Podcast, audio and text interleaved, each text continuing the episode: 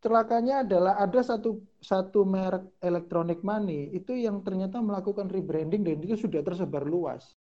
Even sampai di penjual soto pun di pinggir jalan pun pakai itu gitu loh. Saya Berarti nggak bisa ya saya bikin perusahaan misalnya isinya anak IT semua, nggak ngerti marketing, nggak ngerti apa-apa, kita bikin sistem payment payment das, sistem paymentnya yang dasarnya. Terus ya. monggo siapa yang mau numpang di sistem ini bikin brand masing-masing gitu nggak bisa ya? Nah, kalau untuk elektronik money nggak bisa. Tapi kalau misalkan itu untuk membuat online marketplace bisa. Sering Oke. gitu seperti itu. Kadang eh, para pelaku usaha itu juga nggak aware gitu loh. Apalagi kalau ini tadi kita ngomong tentang elektronik money ya. Kalau kita ngomong soal online marketplace, perdagangan dan lain sebagainya, itu sebenarnya mereka harus menjamin. Jadi secara normatif mereka harus menjamin unsur-unsur kewajiban yang dilakukan oleh suatu pedagang, pedagang di dalam satu sistem elektronik itu harus terj- harus terjaga. Contoh seperti yang tadi saya bilang, mereka harus menjaga. Yang pertama saya ingin titip siswa hukum itu adalah perdalam kemampuan penelusuran hukum. Karena apa? Karena gimana pun nanti di dalam dunia praktek kita skill yang salah satu skill yang harus kita punya itu adalah penelusuran hukum. Kalau kita nggak jago melakukan penelusuran hukum, wassalam kita.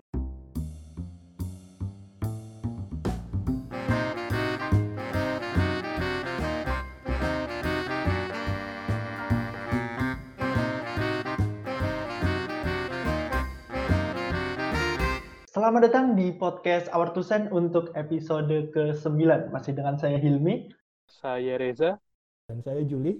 Oke, di episode kali ini eh, kita kedatangan tamu yang sempat hadir di episode ke-7 yaitu Bapak Kuku. Di tapi di episode kali ini kita memiliki topik bahasan yang berbeda yaitu tentang PSME, pembayaran eh PMSE, pembayaran melalui PMSE. sistem elektronik. Apa itu? Perdagangan, perdagangan. perdagangan ya. Kok pembayaran saya ngomong salah lagi dari kemarin. Sorry, sorry. Oke, Mas Zul bisa di handle terlebih dahulu. Oke oke PMSI perdagangan melalui sistem elektronik. Kalau di kalau di Kementerian Keuangan kemarin sempat ada isu soal ini soal pemba- eh, pemajakan live stream. Oh iya iya iya. Nah, Netflix dan iFlix dan lain sebagainya mau dipajakin itu intinya kan. Oke. Termasuk YouTube dan Google ya. Karena mereka Iya. juga dapat market dari Indonesia. Nah, sementara bahasan kita kali ini eh, akan fokus di fintech karena Pak Kukuh punya pengalaman di bidang ini. Tapi tidak boleh Ya. disinggung pengalamannya apa. Tidak boleh.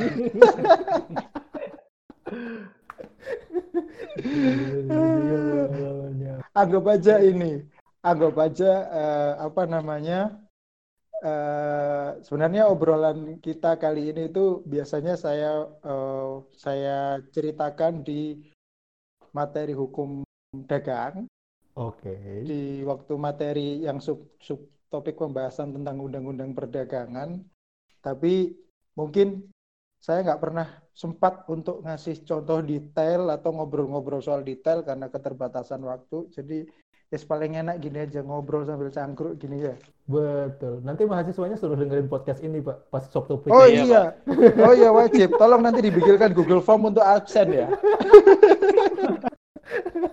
Ada pemaksaan. Tugas resume podcast eh, Our Cent episode 9. betul oke eh ini podcast ini bisa di subscribe nggak sih ada sistem bisa. gitunya nggak sih Bisa di-follow. Oh ya wajib wajib follow. Ha gitu nanti ya kan ya. Gitu. Nanti di Google Formnya tolong nanti dikasih pertanyaan apakah sudah follow podcast Follow, ini gitu. iya. Ah gitu kan. Oke oke. Penyalahgunaan wewenang. Power stand to corrupt kan gitu kan. Iya, tentu kenal. Eh, Oke, berarti kita mau mulai bahas PMSE-nya dulu atau langsung ke fintech nih, Pak?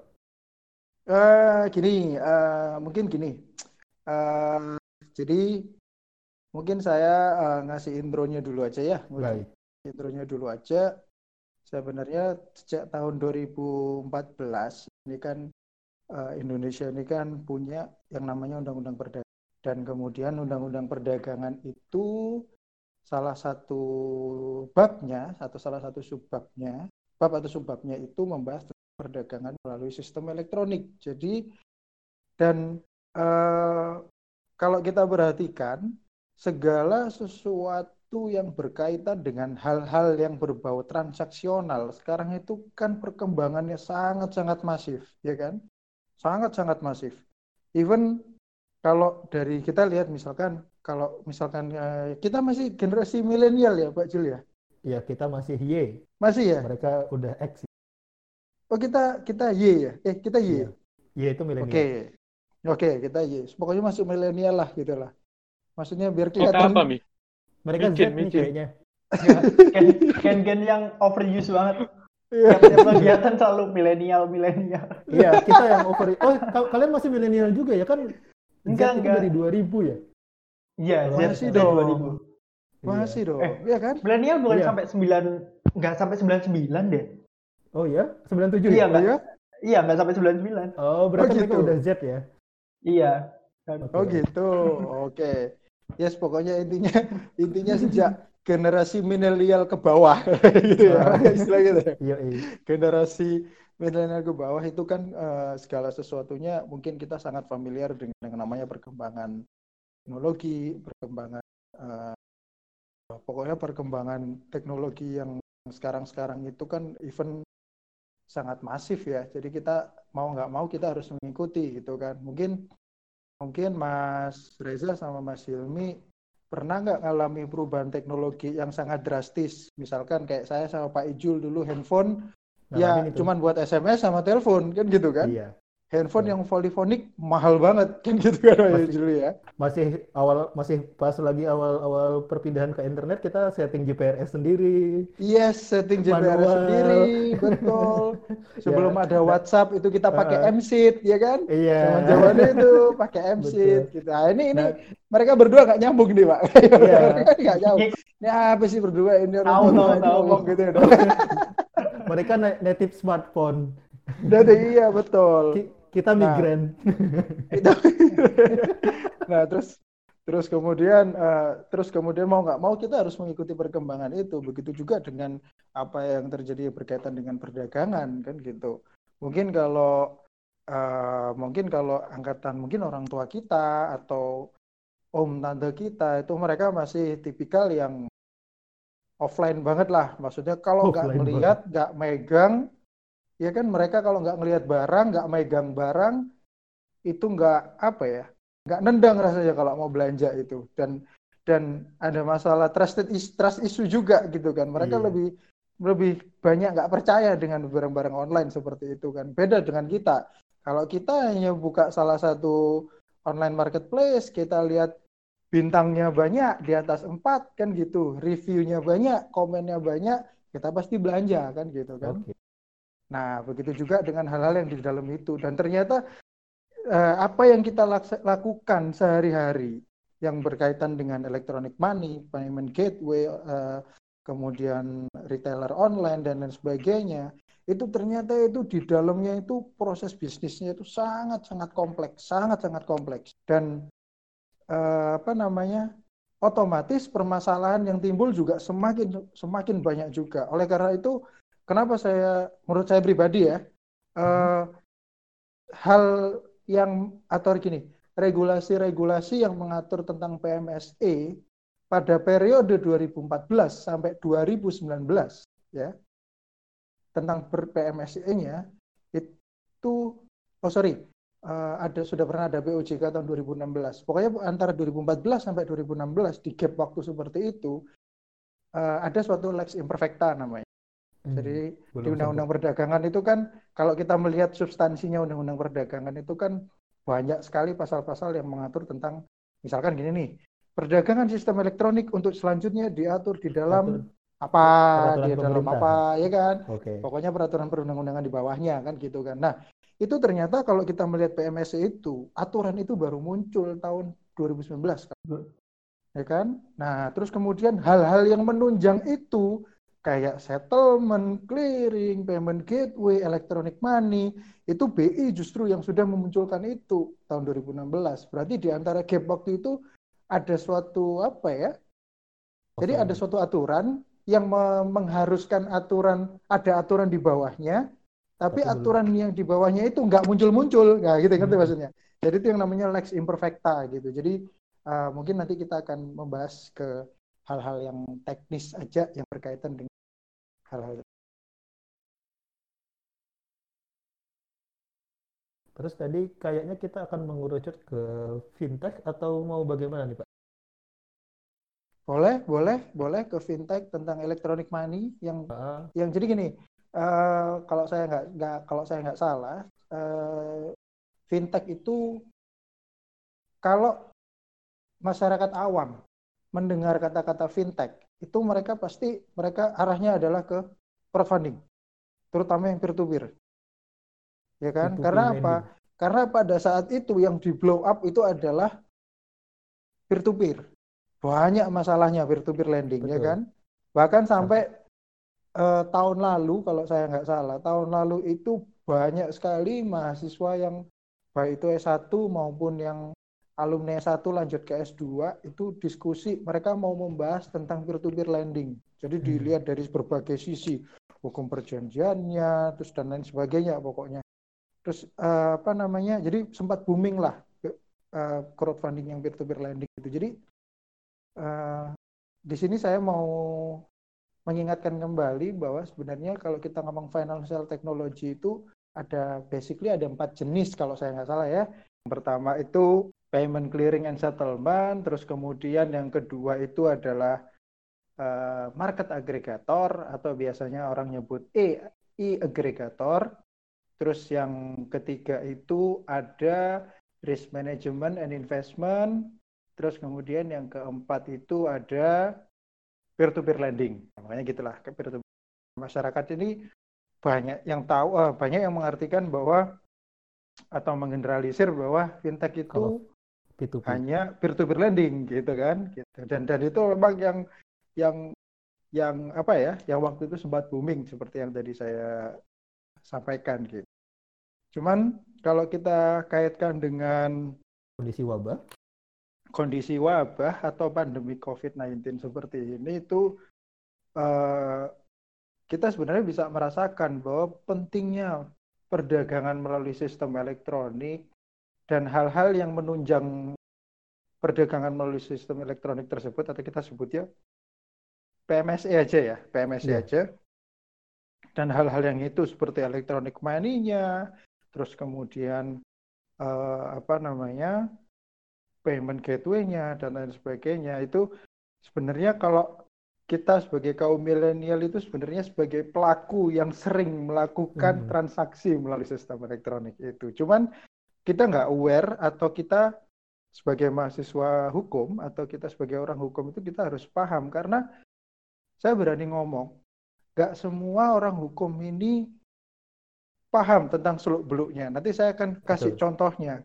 Saya akan kasih contohnya itu nggak semua orang hukum ini paham karena ini proses proses bisnis yang mereka lakukan itu oh sangat-sangat kompleks sekali. Even saya kasih contoh misalkan kalau misalkan kita transaksi sehari-hari menggunakan uang elektronik misalkan kita belanja boleh nyebut merek nggak sih di sini? Boleh Pak, nggak apa-apa Pak. Kan Boleh, kita boleh. sebutin Kan? semua nanti. Sebutan sebutin semua aja nanti.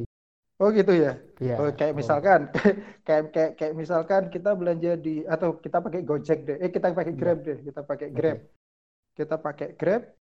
eh, itu kita melihat bahwa ya kita pakai kita pesen sesuatu pakai aplikasi terus kemudian kita bayar pakai electronic money. Atau kita belanja di Tokopedia terus kemudian kita bayarnya pakai OVO karena Tokopedia sama OVO itu dua perusahaan yang berbeda. Terus kemudian hanya ada dua perusahaan tersebut. Oh ternyata tidak segampang itu. Ternyata di dalam situ itu bisa ter- ada dua tiga perusahaan yang ada di dalam situ.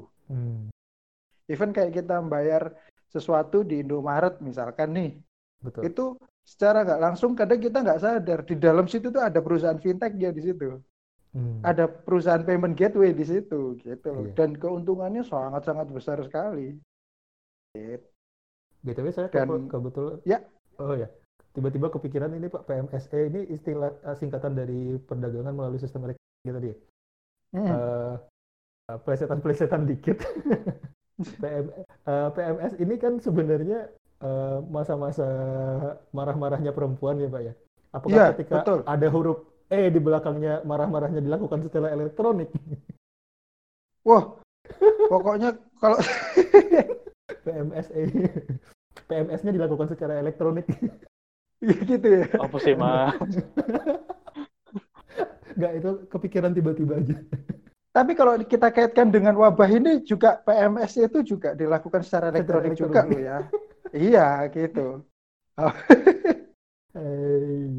Iya kan, apalagi kalau misalkan nih Mas Hilmi atau Mas Reza pacarnya di Surabaya gitu, mereka kan nggak dengan gampang bisa masuk Surabaya kan gitu kan. Jadi mau nggak mau ya pacaran lewat elektronik dulu, ya kan?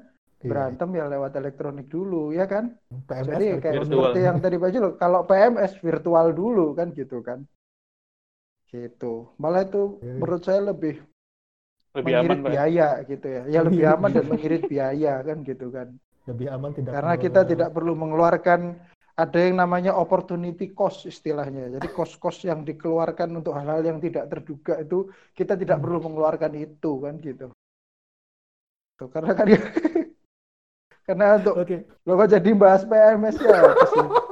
Oke Pak, kita fokus ke penggunaan elektronik money lagi Pak. Nah, ya, ya, ya, ya, tadi ya. rencananya Pak Kuku mau memperlihatkan sisi-sisi yang selama ini belum pernah kita sadari mungkin di dalam. Ya. Kita ambil misal yang mana nih Pak? Apa mau di ojek online atau mau di merchant merchant tentu? Gini, mungkin saya akan ngomong, uh, saya, mungkin kita akan diskusi apa ya? Kita ngobrol santai aja ya. Ya.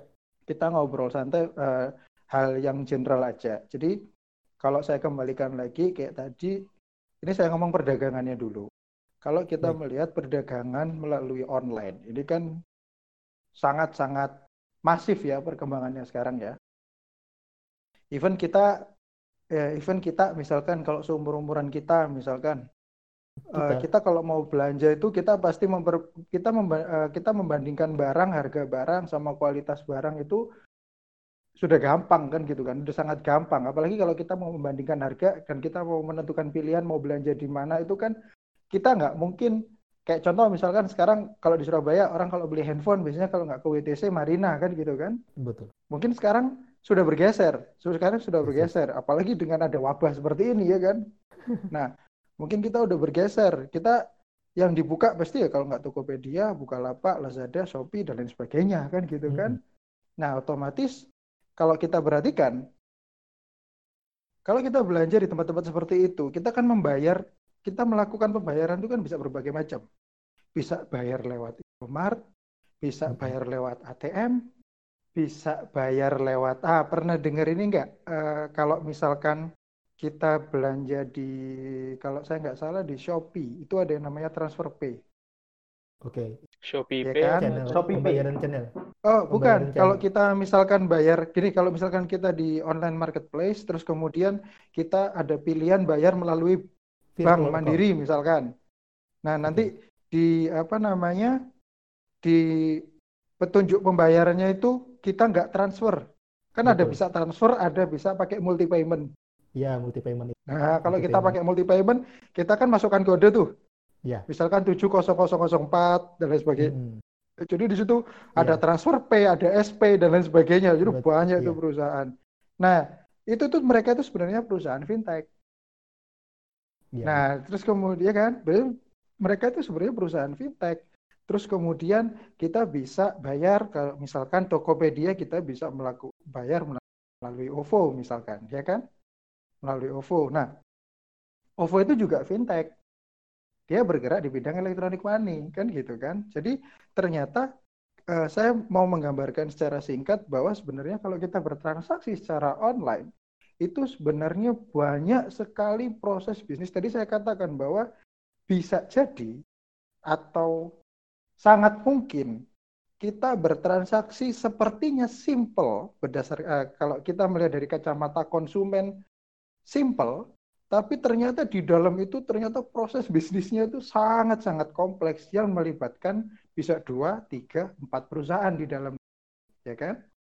Nah, jadi itu yang kadang kita eh, kalau kita sebagai orang awam itu kadang nggak aware gitu loh. Cuman kita sebagai orang hukum kita harus tahu karena tidak menutup kemungkinan perusahaan-perusahaan ah, ini loh. Karena tadi saya mengatakan ada yang namanya lex imperfecta itu tadi ada saya pernah menemui secara langsung ada perusahaan fintech. Ini sebenarnya mereka kasihan. Kasihannya itu kenapa? Mereka itu menjalankan proses bisnis sudah lama aturannya baru keluar. Hmm, har- harus mau menyesuaikan. mau mereka harus melaksanakan penyesuaian gitu loh. Kalau Hmm. nggak melaksanakan penyesuaian mereka potensinya bisa dicabut izinnya. Nah ngurus izinnya itu bisa 3-4 tahun sendiri. Nggak lama ngurus izin itu ternyata. Nggak lama. Gitu. Empat tiga Lam, apa eh tadi saya bilang apa nggak lama ya Nggak Iya, lama. lama Oh, nggak sebentar, sorry, nggak sebentar, nggak sebentar, sorry, sorry, sorry, sorry. Nggak lagi sebentar. melucu pak nggak lama 3 sampai 4 tahun kirain punchline pak Oh, nggak, nggak, nggak. Ini memang script talk memang.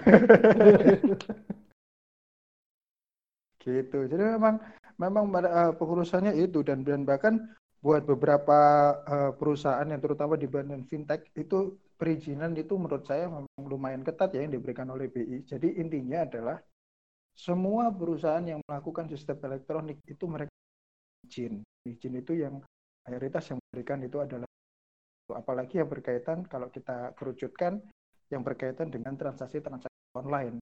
Hmm. Nah, mengurus izin dari BI-nya ini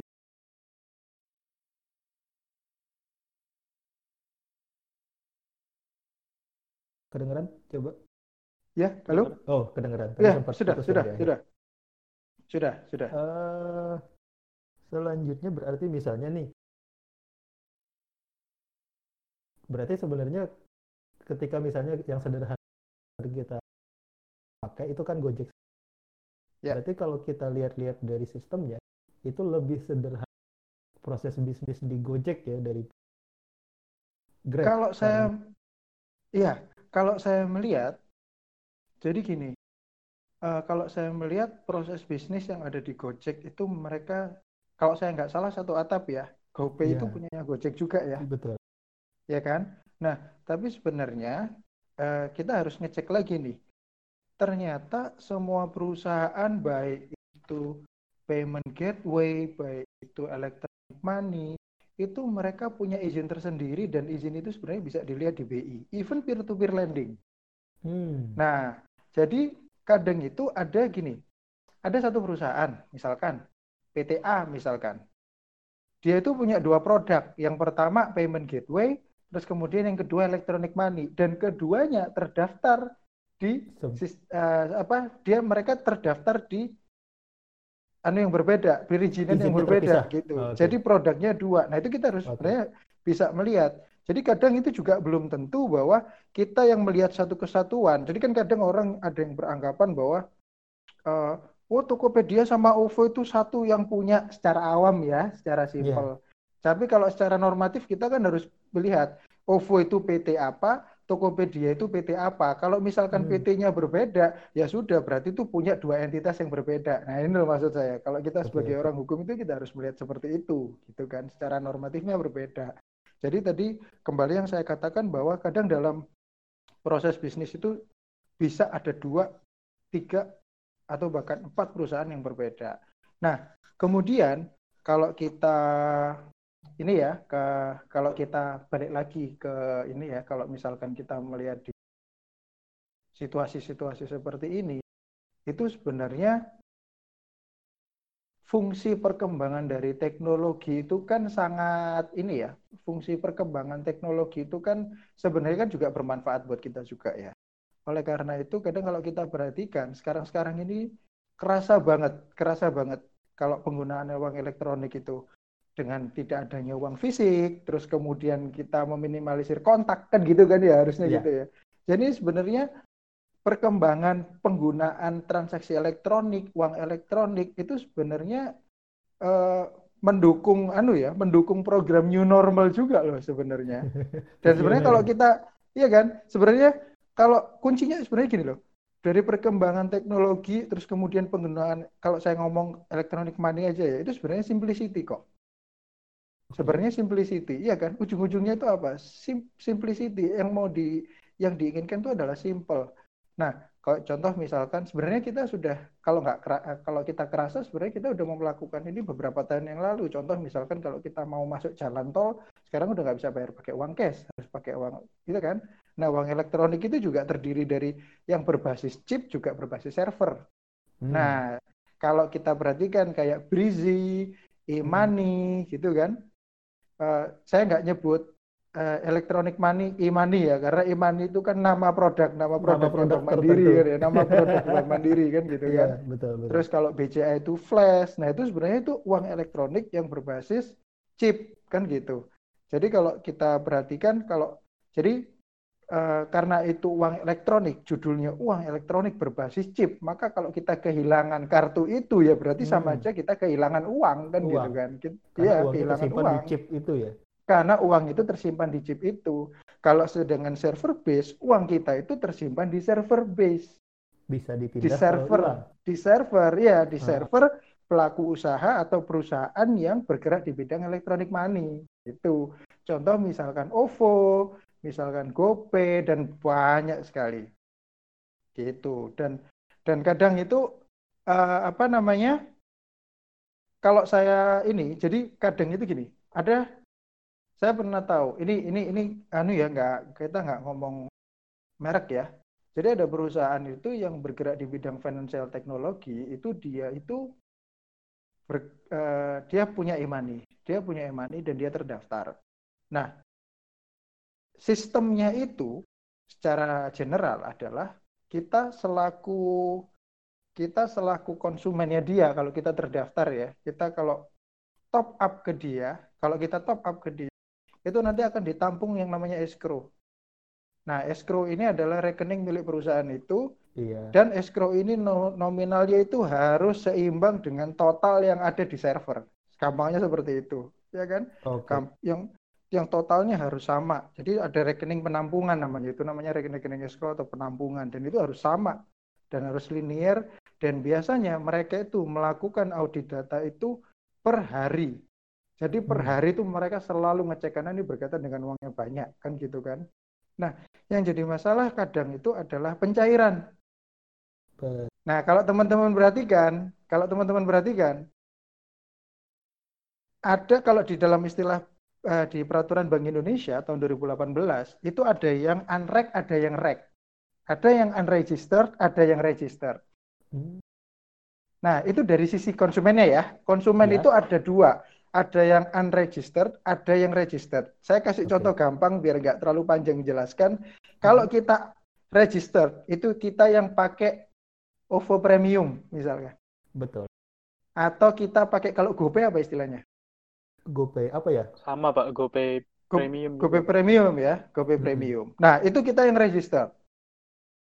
Jadi di situ tandanya kita sudah eh, kita melakukan verifikasi data, kita upload foto KTP dan lain sebagainya, kita selfie kan gitu kan dan lain sebagainya, otomatis kita terregister di situ. Sedangkan yang unreg adalah kita yang top up, ya kan kita yang top up tanpa melakukan verifikasi data, jadi kita cuman bisa mentransaksikan uang elektronik itu di dalam ekosistem yang terlink dengan mereka. Oh iya, nggak bisa transfer gitu ya. Yes, betul. Dan di dalam praktek itu yang dijadikan sarana money laundry penipu-penipu. Ah, Saya pernah tahu sendiri. ah, Jadi misalkan, jadi misalkan gini nih, eh, saya nipu Mas Helmi misalkan, saya nipu Mas Helmi, uangnya saya top upkan di situ. He- Hilmi Pak, Hilmi Pak. Hilmi ya, Bukan eh Mas Helmi. Hilmi. Helmi itu Oh, Yahya. sorry, Hilmi. Oh iya iya iya iya iya. iya. Helmi itu ya. Helmi itu ya ya. Biru TVRI itu ya. Orang itu keren sih. Tak, tak saya akuin keren sih. Hmm. Oh, tidak. Oke. Nah, eh, apa namanya? Saya misalkan Pak Koko- Pak nipu, nipu saya, Hilmi. Ya. saya nipu Mas Hilmi. Kalau saya nipu Mas Hilmi, itu uang akan saya langsung saya alihkan ke elektronik money itu tadi. Dengan sistemnya unreg. Hmm. Saya enggak mau reg, kan enggak mungkin saya reg kan. Saya pasti unreg. Terus kemudian saya belanjakan di ekosistem yang terlink sama mereka. Hmm. Saya kasih contoh misalkan. Saya contoh ya, saya nipu Mas Hilmi 3 juta. Terus kemudian saya top upkan ke OVO. Dari OVO tersebut saya belanjakan di Tokopedia. Saya belanjakan di Tokopedia barang yang gampang dijual. Contoh misalkan handphone. Setelah saya beli di situ, saya dapat handphone baru kan, terus saya jual lagi. Nah itu banyak itu terjadi seperti itu. Hmm. Banyak sekali. Nah, sebenarnya kalau kita mulai dari dari situ, yang kasihan itu siapa sih sebenarnya? Yang kasihan itu adalah perusahaan fintech tersebut. Karena apa? Karena kalau dana-dana yang anrek-anrek ini, kalau terkumpul, itu bisa banyak sekali. Banyak sekali. Hmm. Dan even dana-dana anrek itu kayak buah si malakama gitu loh. Ini kalau Iya. diputer penggelapan, Hmm. ya kan? Kalau ngendap di situ, siapa yang mau ngelola? Iya kan? Malah ganggu, malah ganggu cash flow, ya apa enggak? Betul, betul. Terus setiap hari harus diaudit. Setiap hari itu harus diaudit. Intinya semua nominal tadi kan saya cerita setiap nominal itu harus diaudit, harus disamakan. Lah, jumlah-jumlah yang anrek-anrek ini loh, ini kadang banyak sekali yang ngendap.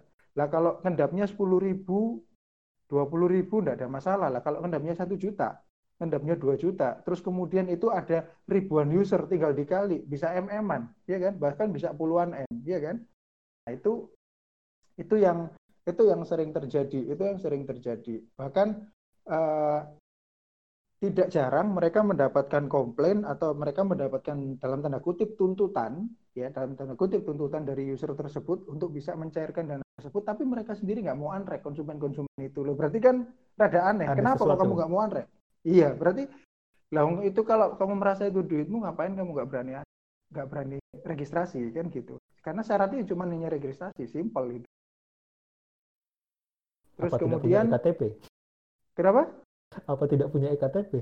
Iya, apa masih pakai surat keterangan ya kan? Kalau di foto selfie nggak cukup kotaknya kan gitu kan. Soalnya satu HVS. Itu itu husnuzonnya. itu iya iya iya itu husnuzonnya, itu husnuzonnya, itu husnuzonnya gitu. Cuman sebenarnya modus-modus seperti itu eh, banyak sekali terjadi. Even ada ada kisah menarik eh, yang berkaitan dengan ini. Jadi singkat cerita itu ada salah satu perusahaan fintech itu dia dibobol. Dia dibobol. Iya, dia dibobol. Nah, bobolnya itu ada orang, ada hacker yang bisa eh, meng- ah, gini. Kan kalau kita mendaftar eh, kalau kita mendaftar suatu uang elektronik melalui entah itu aplikasi atau websitenya itu kan kita pasti ngisi email kan ya. Email sama nomor telepon. Nah, hacker itu mencari orang yang lengah. Jadi dia entah menyisipkan suatu link atau dia eh, pokoknya intinya pakai cara-cara itu ke usernya. Bukan jadi mereka nggak bobol sistem fintechnya, tapi mereka bobol usernya. Terus kemudian begitu mereka tahu mereka bisa bobol usernya ini tadi, itu yang dibuat untuk mengalihkan duit-duit itu tadi. Nah, sempat eh, ada kawan saya itu mereka melacak dan ternyata eh, apa ya? Uang-uang tersebut itu larinya itu ternyata dibelanjakan, mayoritas dibelanjakan Hmm. mayoritas dibelanjakan dan kenapa tadi saya bilang berani bilang seperti itu karena eh, para pelaku dalam tanda kutip ya para pelaku ini tadi mereka itu membelanjakan selalu barang yang cepat laku yang Oke. movingnya movingnya sangat-sangat cepat yaitu kayak contoh handphone dan lain sebagainya itu kan movingnya sangat cepat nah jadi modusnya itu ternyata seperti itu gitu nah Mungkin terus nggak, Pak? kemudian ya mungkin nggak gini. Eh, kelihatannya mereka belanja, tapi ternyata tempat mereka belanja itu ya mereka sendiri sebenarnya. Jadi sebenarnya Bisa tidak jadi. ada pembelanjaan. Bisa jadi. Bisa jadi. Lebih lanjut lagi. Ada modus seperti itu. Hmm. Ada modus seperti itu. Ada modus seperti itu. Jadi waktu itu sempat ada waktu itu sempat ada kecurigaan. Tapi ini memang melibatkan eh, internal sih karena kalau misalkan mau menaruh jadi untuk jadi gini, ada perusahaan punya financial eh, ada punya perusahaan punya electronic money. Terus kemudian perusahaan tersebut dia tidak punya platform untuk retailer dan dia tidak bekerja sama kebetulan. Mereka hanya punya payment gateway sama money kan gitu kan. Nah, kemudian eh, singkat cerita ada platform lain, ada platform lain itu dia mendaftar. Dia mendaftar untuk menjadi rekanan, ya kan? Nah, sebenarnya kalau mendaftar melalui, uh, menjadi rekanan supaya bisa menggunakan elektronik money-nya itu kan harus ini kan uh, harus ada pengecekan pengecekan anggaran. Pokoknya detail perusahaannya lah, ya, anggaran dasar betul. bergerak bergerak di bidang apa dan lain sebagainya gitu. Itu lolos. Terus kemudian singkat cerita akhirnya platform itu tadi kita sebut aja platform X itu dia bisa menggunakan electronic money ini tadi si perusahaan fintech tadi, ya kan? Nah, singkat cerita ada uh, ada beberapa kali transaksi, ada beberapa kali transaksi, terus kemudian di dalam sistem karena ekosistemnya kan jadi satu, ekosistem networkingnya kan jadi satu, ya kan? Ekosistemnya jadi satu. Nah, uh, otomatis bisa melihat kan transaksinya alur transaksi. Nah, kok pemesannya alamatnya sama, terus kemudian begitu dicek websitenya itu, aduh saya ditunjukin websitenya itu websitenya nggak banget deh.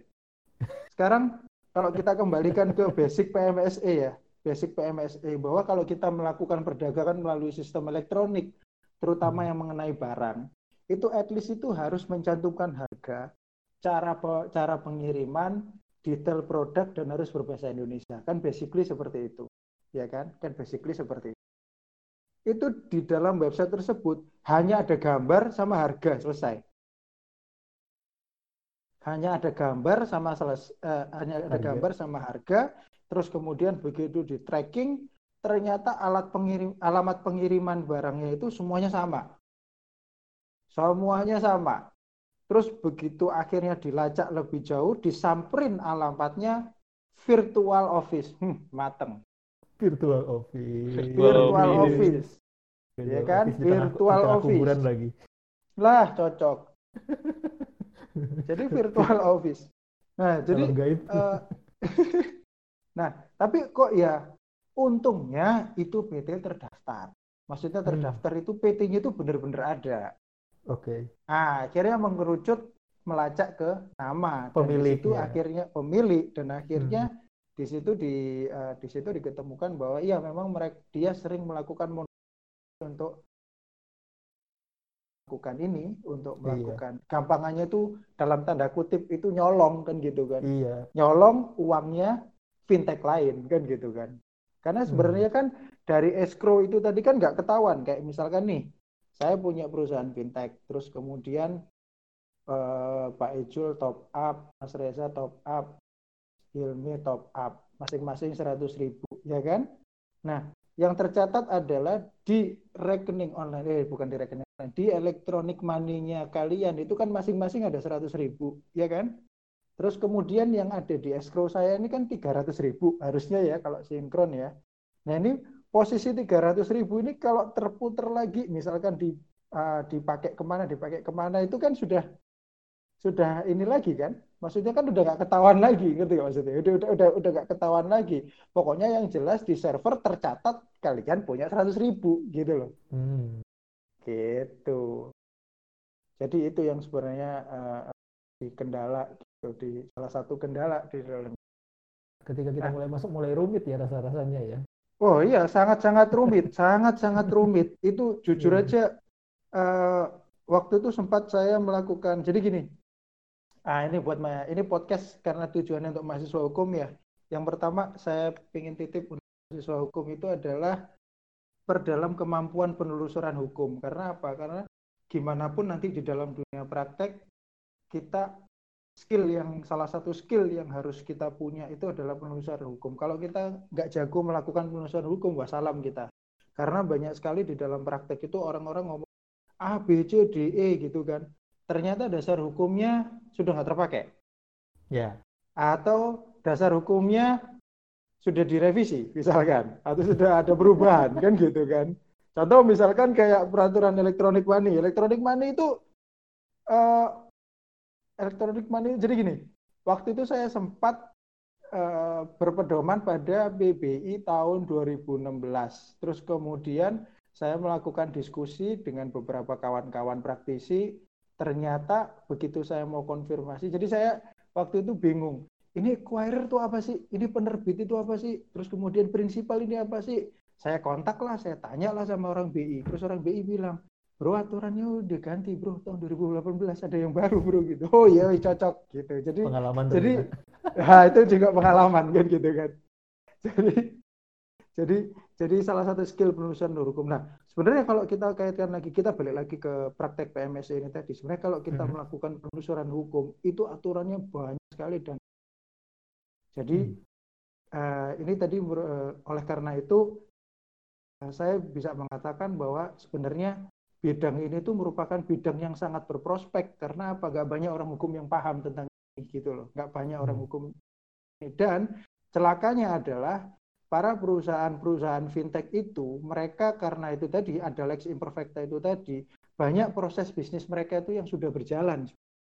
Yang sudah berjalan lama tapi ternyata setelah aturan keluar itu semua dihitungkan. Contoh misalkan di dalam PP tahun 2019 tentang perdagangan melalui sistem elektronik itu salah satu kewajiban dari pedagang elektronik pedagang lah pedagang itu salah satunya adalah menyimpan data transaksi selama lima tahun dan data eh, data penjualan eh, sorry data penjualan selama lima tahun dan data transaksi keuangan selama 10 tahun. Hmm. Nah, itu sering banyak yang tidak dilakukan. Itu sering Hmm. banyak yang tidak dilakukan. Oleh karena itu kita sebagai orang hukum begitu diundang untuk melakukan eh, untuk melakukan audit ya kita nemunya itu loh. Kok nggak pernah disimpan? Ini ada kewajiban seperti ini loh. Kita nggak tahu pak. Ini udah udah proses bisnis as usual ini udah jalan udah, udah jalan lama gini. Waduh. Ya udah gimana lagi kan gitu kan. Tidak tahu, nggak mau nggak tidak membuat Anda lepas dari kewajiban hukum. Ya. Tidak, tidak. Ingat, ada tiga orang yang tidak dilindungi oleh hukum. Orang Iya. tidak hati-hati, orang terlalu baik hati, Iya. sama satunya orang apa tadi, Pak? Abiu Hilmi. Pak. tidak dilindungi. ya, orang tidak hati-hati, orang terlalu baik hati sama Orang orang, terlalu baik hati, apa ya? Orang ceroboh Eh, apa gimana gitu ya kan? Ceroboh tuh tidak hati-hati. Bentar, saya ada catatan sama Prof Didik sih itu. Oh iya, sama ini itu anaknya itu ngomong. harusnya pakai citation itu ya, harus pakai Iya. citation itu. ya. Waktu diskusi Gitu. terakhir sama beliau, beliau nyebutin itu tuh. Iya benar. Itu salah satu teorinya gitu. Jadi kalau dia tidak hati-hati, dia itu ya dia tidak dilindungi oleh hukum gitu. Nah, terus sampai mana tadi? Kita bahas tentang apa tadi? Tentang Terakhir soal kok juga lupa ya. Apa escrow, Eh, escrow. oh tentang itu. Nah, terus kemudian eh, ada masalah lagi, eh bukan masalah ya. Eh, saya mau ngomong man- manfaat aja lah sebenarnya. Kalau kita lihat sebenarnya manfaat uang elektronik sebagai pengganti uang fisik ini sebenarnya sangat banyak dan sebenarnya kepada masyarakat itu nggak perlu kita nggak perlu terlalu khawatir karena semua pelayanan eh sorry, Ali, semua layanan uang elektronik itu pasti wajib terdaftar. Tapi ada tapinya. Lah ini tadi loh, ada perusahaan fintech itu yang nggak aware. Ada Hmm. perusahaan fintech itu yang nggak aware akan aturan mengenai izin ini tadi. Karena semuanya kan memang harus, bahkan even di aturannya itu perusahaan fintech yang mengeluarkan iman itu dia harus punya dana loh. Dia harus punya Iya. dana dulu, minimal berapa M dan sebagainya gitu. Ada. Nah, Oh itu itu di atas dari ketentuan dana minimal PT gitu pak ya? oh iya, Oke, iya dong. pastilah ya. Nah, mm-mm. nah, yang saya temukan di dalam dunia praktek itu adalah mereka itu kadang gini, ya gini ya, yang namanya orang bisnis sama orang hukum itu mereka pola pikirnya itu tiga kali, empat kali lebih maju dari kita, ya kan? Hmm. Seperti yang mungkin di yang lalu-lalu itu eh, apa pertemuan kita yang kemarin itu Yang ya kok pertemuan sorry. Obrolan kita yang kemarin pertemuan kapan kita ketemu? Ya kan obrolan Oh, kita yang kemarin itu Pertemuan virtual pak. pertemuan oh iya pertemuan virtual. Bisa bisa bisa bisa. Eh nah pertemuan. obrolan kita yang kemarin itu eh, apa namanya sebenarnya antara common law sama sama civil law itu lama kelamaan itu akan menjadi satu kan gitu. Karena semua orang nah ini ini ini yang terjadi sekarang gitu loh. Ini yang terjadi sekarang.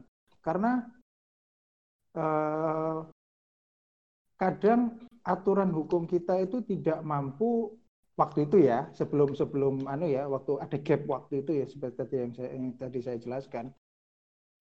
Itu tidak mampu menggovern kelakuan kelakuan mereka. Aku tidak mampu menggovern proses proses bisnis mereka gitu ya jangan pakai istilah kelakuan lah kesannya kayak gimana proses bisnis mereka proses gitu ya. bisnis proses mereka proses bisnis mereka jadi waktu itu yang pernah saya lihat eh, saya lihat itu mereka melakukan yang namanya rebranding banyak istilahnya rebranding, co-branding dan lain sebagainya. Jadi contohnya seperti ini.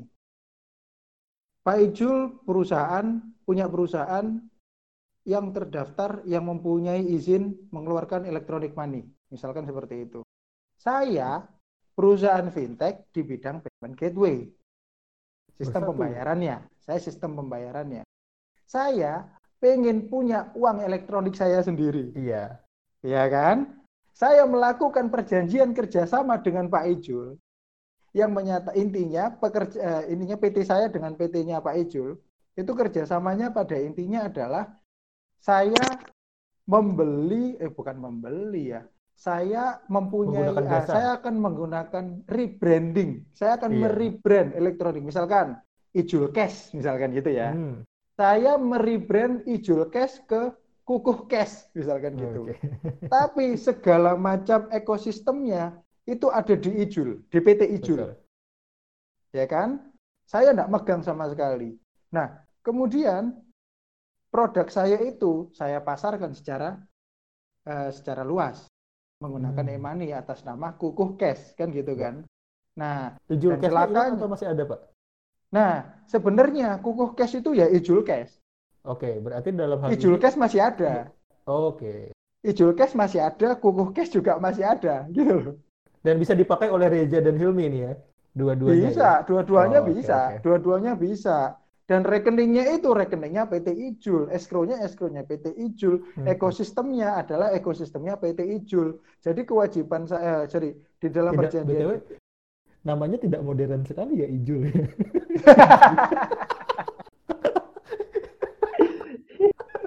OVO, GoPay, ShopeePay kan keren. Ijul Iya, Ijul guys.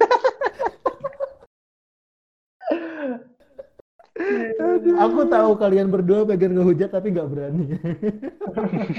Mending tak hujat sendiri. Ya. Gak berani kalah umur ya, kalah umur. Kalau mereka. umur. Iya. Respect sama yang tua, Mas. Respect. Loh ya tua, Pak. Kita dibilang tua gimana coba? Gimana makanya makanya kita tadi dari tadi saya tekankan generasi milenial itu supaya kita nggak bilang tua kok dibilang tua mereka. Iya. Kita bukan boomer lah ya. kita bukan boomer lah. Nah, terus eh, saya mana tadi? Lupa. Sampai Oh, soal.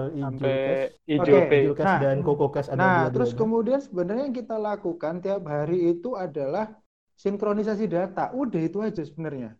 Hmm. Ya kan? Jadi pelanggan saya, pelanggan saya itu adalah pelanggan kukuh cash yang sebenarnya menggunakan Ijul Cash. Itu Hmm. sering yang terjadi di dalam rebranding. Berarti Dan celakanya, itu- Heeh. dan celakanya banyak sekali, ya nggak banyak sekali, ada beberapa kukuh cash dalam tanda kutip ya, ada beberapa kukuh cash itu yang tidak punya izin. Oke. Itu yang Karena tidak dia- punya izin. Apakah bisa dianggap dia ikut izinnya si Ijul Cash?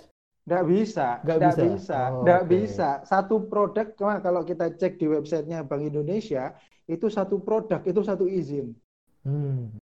Contoh misalkan PT apa, GoPay, PT apa, OVO, PT apa, Dana, gitu tuh ada sendiri. Dan Hmm, itu hmm, produknya sudah masing-masing, itu yang terdaftar, gitu loh. Jadi sebenarnya kalau kita mau menggunakan elektronik money itu sebenarnya ya sudahlah, pakai yang sudah terdaftar di BI aja.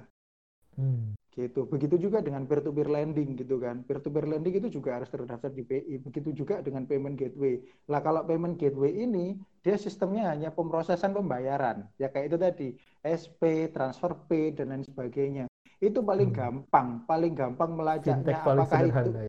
Iya, paling paling gampang melacaknya itu adalah apakah itu terkonek dengan mobile bankingnya suatu bank apa enggak. Biasanya kalau sudah terkonek, itu berarti biasanya karena saya tahu bahwa bank itu dalam melakukan proses bisnis itu mereka pasti mengedepankan asas ke hati-hatian. Mereka tidak mau eh, berbisnis dengan sembarang orang, apalagi yang berkaitan dengan hal-hal seperti ini kan gitu terlalu riskan. Gitu. Nah, balik lagi ke yang tadi, celakanya adalah, celakanya lagi adalah, saya pernah menemui satu elektronik money itu yang sudah tersebar luas. Kalau kita perhatikan, kalau kita mau beli uh, uh, kalau kita mau beli sesuatu di pinggir jalan, misalkan sekarang kan even orang jual tawa aja, orang jual apa aja, pokoknya masuk makanan-makanan kecil di pinggir jalan itu aja, mereka pasti punya stiker isinya barcode kan? Betul. Iya. Ada ada GoPay, ada OVO, ada apa, ada apa, bahkan bisa sampai 4, bisa sampai 5 ya, Bang enggak? Nah, itu celakanya adalah ada satu satu merek elektronik money itu yang ternyata melakukan rebranding dan itu sudah tersebar luas. Even sampai di penjual soto pun di pinggir jalan pun pakai itu gitu loh. Saya saya saya yang tahu itu adalah saya yang tahu itu gini. Waduh, ini ini ternyata udah di udah dipasarkan luas dan ternyata pelanggannya sangat banyak loh. Penggunanya sorry bukan pelanggan, penggunanya ini, sangat banyak. Ya? Apa ini? Oh, jangan, jangan, jangan. Nanti aja. Off air, off air. Jangan. Jangan. Mancing ya loh Mas Cil. Uh, apa namanya? Uh, kalau teman-teman pengen tahu, komen di podcast Our to Send di IG. oh, gak bisa. Mau mau komen berapapun saya nggak mau jawab. Pokoknya saya tahu gitu ada. komen nanti kita balas lewat DM ya. Berarti di sini sudah ada pengalian tanggung jawab. Jadi nanti kalau misalnya itu digugat iya, iya, pencemaran nama baik berarti pengurus podcast berarti. Pengurus podcast bukan narasumber. Oke oke. Tapi nanti ada yang seperti itu ya? Ada, ada hmm. dan dan dan apa ya? Dan sebenarnya kalau misalkan ini ya, karena tadi saya saya kembalikan lagi kenapa ini bidang yang basah karena dalam tanda kutip bidang yang basah buat mahasiswa hukum nanti ke depannya karena nggak banyak yang pahami ini dan belum banyak yang meng, banyak belum banyak yang menghandle uh, perusahaan-perusahaan seperti ini gitu loh. Hmm. Dan di situ kalau kita memposisikan diri misalkan nih, misalkan kita orang hukum nih, kita udah lulus, terus kemudian kita dipanggil sama perusahaan itu, Pak, saya minta pendapatnya dong. Kalau misalkan saya melakukan, saya punya elektronik mandi nih, saya terdaftar, kemudian saya melakukan rebranding atau co-branding dengan perusahaan lain. Oh, itu jelas melanggar. Anda harus bilang itu jelas melanggar. Karena apa? Dia yang melanggar, yang dicabut izinnya adalah Anda kan gitu kan. jadi yang punya, jadi iya yang sih. punya, yang iya, jadi yang terdaftar itu adalah Ijul Cash, uh, rebranding Google Cash, uh, ya kan? Yang nah itu yang saya. terdaftar, iya yang dicabut Ijul Cash. Dan Tapi itu ngurusnya panjang. Tapi bukannya tadi kukuh cash itu sebenarnya terdaftar juga Pak ya, tapi mereka tidak punya sistem gitu aja ya? Uh, enggak, saya tidak terdaftar. Dan sistemnya oh, itu gitu. saya apa ya, nyantol gitu loh. Sistemnya itu sistemnya PT Ijul gitu. Ber saya cuma hanya nyari aja. Berarti secara aturan harusnya uh, kukuh cash ini harus punya sistem. Tidak boleh nebeng di Ijul cash. Tidak boleh. Oh. Tidak boleh. Tidak boleh. Tidak okay. boleh.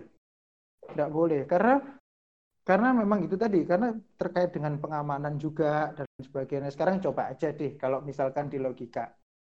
Kalau saya rebranding nih, saya rebranding Kukuh Cash, rebranding sama Ijul Cash. Terus tiba-tiba perusahaan saya tutup, apakah nasabah saya bisa menuntut Ijul Cash? Tidak bisa, karena iya. mereka tidak tahu sebenarnya. Iya. Ini mereka nggak tahu karena mereka nggak tahu kuku cash itu adalah ijul cash nggak tahu betul, mereka betul. kan gitu kan. Kalau gitu. tahu. Kenapa? Kalau tahu apakah bisa? Belum tentu. Oke. Okay. Belum tentu juga bisa. dengan kukuh ya, bukan ijul. Ya? Iya, karena oh. karena karena yang kita sinkronisasi datanya itu sifatnya gelondongan, Pak. Jadi misalkan nih, Kukuh Cash itu pemakainya user satunya Hilmi, user satunya Reza. Ya kan? Masing-masing top up 100 ribu, 100 ribu. Di dalam di PT Ijul itu tahunnya cuma ada 200 ribu selesai. Dan ada dua user. Jadi PT Ijul itu enggak bakal tahu, oh ada dua user, 200 berarti 100-100. Enggak tahu. Itu saya yang tahunya gelondongan aja. Tahunya gelondongan. Nah itu celakanya di situ nanti mereka saling rekon gitu ya di atas gitu. Betul. Saling, saling mencocokkan. Betul, ya. betul. Dan kita tidak bisa menyalahkan mereka melakukan hal tersebut karena apa? Mereka harus melakukan itu untuk kelanjutan bisnis karena apa? Mereka kan pola pikirnya adalah revenue, revenue, revenue kan percuma kalau mereka melakukan sesuatu tidak ada revenue-nya kan gitu kan. Hmm. Gitu. Berarti nggak bisa ya saya bikin perusahaan misalnya isinya anak IT semua, nggak ngerti marketing, nggak ngerti apa-apa, kita bikin sistem payment payment das, sistem paymentnya yang dasarnya. Terus Ya. monggo siapa yang mau numpang di sistem ini bikin brand masing-masing gitu nggak bisa ya? Nah, kalau untuk electronic money nggak bisa. Tapi kalau misalkan itu untuk membuat online marketplace bisa. Sering Oke. gitu seperti itu. Itu nggak ada masalah. Kalau online marketplace nggak ada masalah. Jadi Hmm. misalkan eh, Pak Ijul isinya orang-orang IT semua dan isinya develop aplikasi, ya kan? Terus Iya. kemudian saya, Mas Hilmi sama Mas Reza kita mau membuat masing-masing on- online marketplace misalkan. Nah, kita mau beli sistem di Pak Ijul itu tidak ada masalah dan itu sering terjadi gitu loh. Nah, hanya khusus untuk hal-hal yang sifatnya transaksional yang berkaitan dengan uang, ini yang nggak boleh, ini yang harus sendiri-sendiri gitu. Dan itu yang eh, apa namanya? Dan kalau kita ngomong rebranding yang boleh itu adalah rebranding aplikasi online marketplace. Sedangkan kalau rebranding untuk electronic money itu nggak boleh. Saya kaget waktu Rebranding. itu loh. Saya tahu ini nggak punya izin, tapi nempel di gerobak soto. Dan saya tanya loh Pak, sampai masang ini itu ada marketingnya yang ke sini loh. Ada, ada marketingnya. Dan celakanya itu perusahaan luar loh. Hah? Perusahaan luar itu. Aduh makin penasaran Pak. Perusahaan luar. Ya Monggo kom- kan? monggo komen di postingan ini. Ini di- dijadiin Nggak, bagian satu menit maksud saya depan. perusahaan jadi gini, maksud saya perusahaan luar itu adalah jadi gini, pada dasarnya di dalam di dalam regulasi kita kalau berkaitan dengan clearing payment sama settlement itu perusahaan itu harus perusahaan Indonesia, ya kan? Boleh ada unsur asingnya, ada pembatasannya kalau saya nggak salah 20%, gitu loh. Hmm. Ada kal- kalau nggak salah itu 20%. Nah, ini yang tadi saya ceritakan ini ada unsur asingnya loh padahal. Tapi sebenarnya Gitu. kalau dilihat dari namanya sebenarnya Indonesia ya. Kenapa? Dari penampilannya kita mungkin orang-orang taunya itu Indonesia punya. Oh iya, karena di dalam perdagangan melalui sistem elektronik itu diwajibkan untuk menggunakan domain.go.id. Hmm. Gitu. Jadi jadi memang harus benar-benar ini dan itu yang kadang dan itu yang kadang eh, apa ya Mas? Dan itu yang kadang eh, para pelaku usaha itu juga nggak aware gitu loh. Apalagi kalau ini tadi kita ngomong tentang electronic money ya. Kalau kita ngomong soal online marketplace, perdagangan dan lain sebagainya, itu sebenarnya mereka harus menjamin. Jadi secara normatif mereka harus menjamin unsur-unsur kewajiban yang dilakukan oleh suatu pedagang, pedagang di dalam satu sistem elektronik itu harus terj- harus terjaga. Contoh seperti yang tadi saya bilang, mereka harus mencantumkan harga, cara pengiriman, kemudian eh, apa namanya? harga, cara pengiriman, terus apa lagi tadi ya? Spesifikasi teknis sama berbahasa Indonesia. Itu sebenarnya eh, mereka harus menjamin itu gitu loh. Karena sebenarnya unsur ini kalau tidak terpenuhi ya sebenarnya itu melanggar peraturan perundang-undangan. Jadi seperti itu.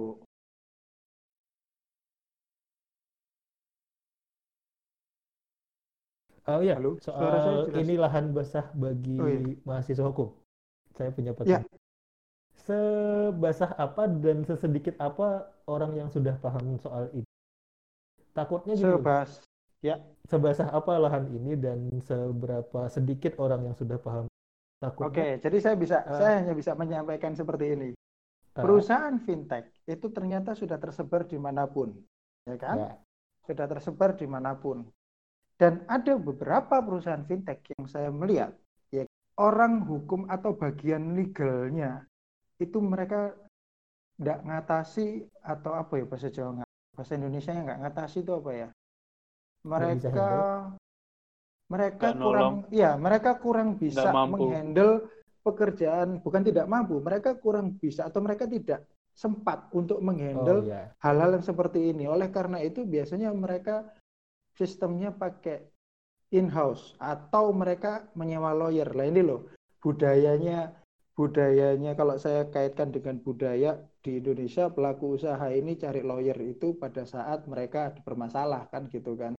Kalau di negara lain mereka sebelum melakukan sesuatu mereka konsultasi dulu ke lawyer baru mereka berani kan gitu kan. Hmm. Oleh karena itu eh, perkara-perkara itu bisa bisa sangat di anu ya minimalisir, gitu. Minimalisir. Beda sama di sini. Jalan dulu ada masalah baru cari lawyer. Nah, itu sering sering sekali terjadi seperti itu. Jadi kadang mohon maaf, kadang ada beberapa yang saya lihat, ada perusahaan itu bagian legalnya itu cuman buat arrangement dokumen sama perizinan. Udah itu aja. Di saat di dalam perusahaan mereka itu ada fraud, di saat di dalam perusahaan mereka itu perlu ada penanganan-penanganan hukum yang sifatnya eksternal, mereka itu tidak mampu handle. Nah, jadi jadi kalau kita kalau dikaitkan sama pertanyaannya Pak Ijul tadi yang seberapa basah tadi itu saya berani ngomong itu sangat-sangat basah. Sangat-sangat basah. Kalau yang seberapa sedikit? Sedikit sekali. Bagaimana? Seberapa sedikit? Uh, Enggak bilang sedikit sekali, tapi sedikit. Tapi sedikit kan habis ini tiba-tiba nanti ada gelombang ke arah sana, habis itu tiba-tiba kebanyakan yang paham ini dan nanti marketnya jadi nggak seimbang lagi gitu. Oh gitu. Oh nggak apa-apa. Itu kan urusannya lawyer kan gitu kan. Iya iya. Yang ya. tergerus kan market marketnya lawyer lawyer itu nanti kan. Iya. Gitu. Uh, iya. Tapi menarik tadi soal mindset masyarakat. Soalnya ya? gini, soalnya gini. Sebenarnya uh, ini uh, out of topic aja ya. Sebenarnya gini. Saya itu kadang itu uh, gemes ya, gemes aja hmm. kalau misalkan lihat mahasiswa hukum, terus kemudian mereka targetnya itu, wah aku pengen jadi lawyer, terus kemudian hmm. jadi lawyer handle perkara-perkara yang uh, dalam tanda kutip perkara-perkara yang konvensional misalkan ya meskipun ya gak ada masalah memang itu pekerjaan lawyer kan yeah, gitu yeah, kan yeah. Cuman dengan semakin ke sini sebenarnya banyak yang butuh lawyer banyak yang butuh orang hukum dan dan sebenarnya masih banyak pihak ya, bidang yang bisa, bisa didalami gitu loh jadi supaya kalau saya kaitkan sama pertanyaannya Pak Ijul tadi itu supaya tidak menumpuk di satu bidang gitu aja loh hmm. coba kalau misalkan kita ngomong soal lawyer uh, handle soal perkara perdata pidana, perceraian, ya cuman gitu-gitu aja, waris dan lain sebagainya. Hmm. Itu udah banyak kan gitu kan. Iya, iya. Itu udah hmm. banyak kan gitu. Sebenarnya banyak lagi bidang-bidang dan kalau kita perhatikan firm besar itu mereka mengambil kesempatan-kesempatan seperti itu loh. Hmm. Iya kan? Gitu. Lumayan. Menarik tadi gitu. juga soal mindset masyarakat yang nyari lawyer ketika salah sih. Padahal sebenarnya mending bayar lawyer buat mencegah masalah ya Oh betul, betul. Hmm. Karena honornya LO itu kadang lebih murah daripada honor berperkara kan gitu kan? Pasti ya. Iya. Karena berperkara kemungkinan dan insya Allah betul dan insya Allah lawyer itu lebih ikhlas kalau ditawar pada saat pembuatan ya, LO daripada penanganan hmm. perkara kan gitu kan? Iya. iya. Karena kerjanya di rumah bisa kan gitu, gitu. kan di kantor bisa hmm. penelusuran hukum terus kemudian bikin legal document, legal opinion, dikirim selesai, tanda tangan, kelar bayaran kan gitu. Jadi Dibayar kerjanya kan ya dibayar lewat Kenapa? OVO Go, dibayar lewat OVO Go. iya. Sudah saya top up ya Pak. Iya. Jualan jasa lewat Tokopedia, jasa lawyer. itu bisa tuh sebenarnya. Nah, nah, jadi kayak, kayak misalkan contoh, misalkan kayak misalkan uh, kita misalkan nih uh, menghadapi new normal seperti ini, uh, terus kemudian mau membuka jasa hukum lewat website misalkan, terus pembayarannya uh, bisa melalui transfer, terus uh, platform tersebut bekerja sama dengan uang elektronik atau payment gateway misalkan, itu juga bisa sebenarnya. Kayak misalkan hmm. uh, payment gateway-nya itu kita melakukan menggunakan transfer pay misalkan. Nah, itu nanti pilihan pembayarannya ada di multi payment kan gitu kan. Betul. Terus kemudian kalau kita bekerja sama sama OVO sama GoPay, ya bayarnya bisa pakai OVO sama GoPay kan gitu kan. Betul. Gitu. Di... Produknya legal opinion kan gitu uh, atau kontrak drafting di, dan sebagainya. Di Tokopedia, nah, gitu. Di Tokopedia produknya LO. Produk penanganan perkara. Oh, nggak bisa Pak. Kalau di Tokopedia kalau di Tokopedia, Shopee, Lazada gitu kan harganya satu, Pak. Iya. Oh iya. Nah, iya, harganya iya. satu.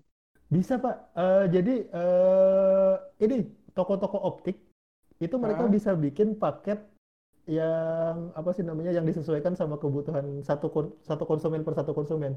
Nah, Jadi mereka iya. chat Iya, kayak, kayak misalkan kita kalau ke Tokopedia, misalkan ya gampangannya kan kalau kita mau beli kacamata ada warna yeah. biru, kuning, merah, ada pilihannya gitu kan, Pak?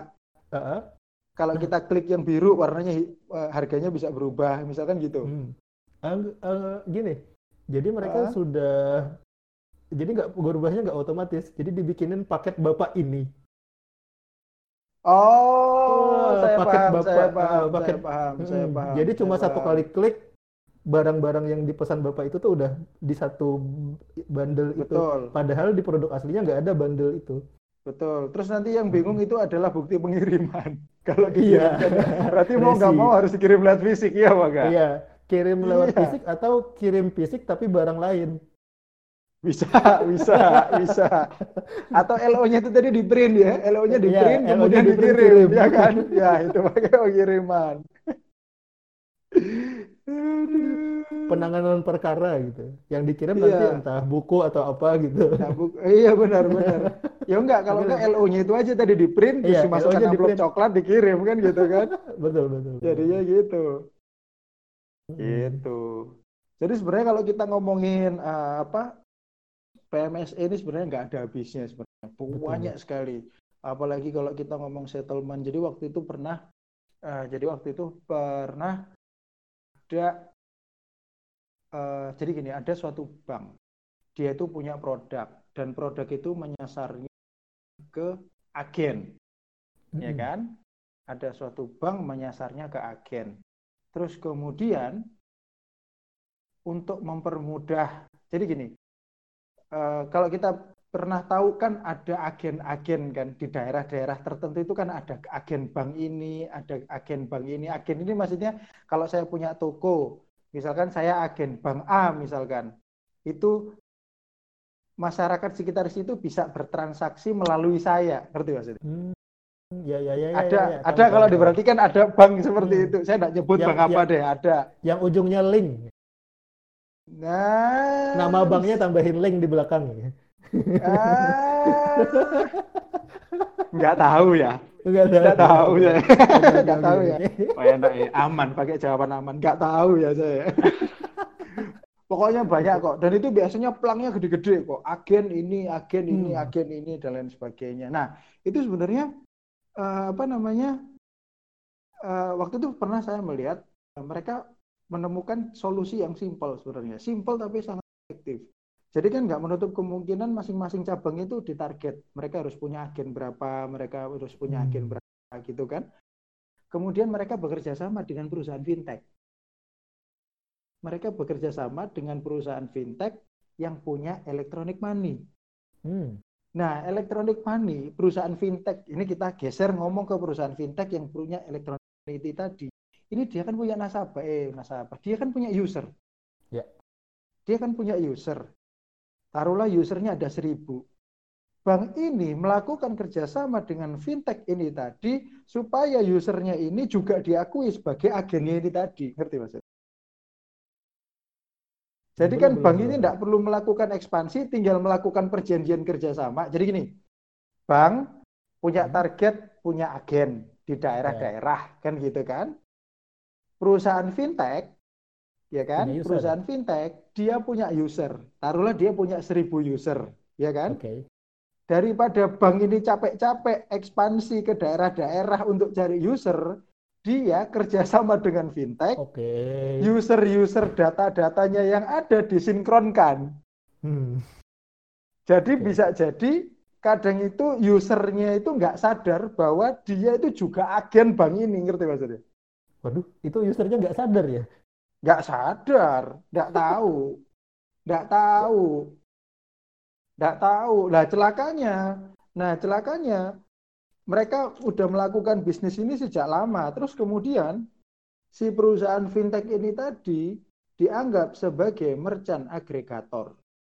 Hmm. dianggap sebagai merchant agregator. Sedangkan di dalam regulasinya kita harus melihat bahwa yang namanya agregator, yang namanya acquirer itu dia harus mempunyai izin khusus karena di dalam financial technology, terutama yang berkaitan dengan electronic money, itu ada yang namanya front, ada yang namanya front end, ada yang namanya rear end. Jadi ada yang uh, ada yang ada yang sistemnya itu ada yang maksudnya sistemnya itu yang berhubungan langsung dengan nasabah, ada yang tidak berhubungan langsung dengan nasabah, gitu loh, atau dengan user, atau eh, bukan sorry, bukan nasabah dengan pengguna.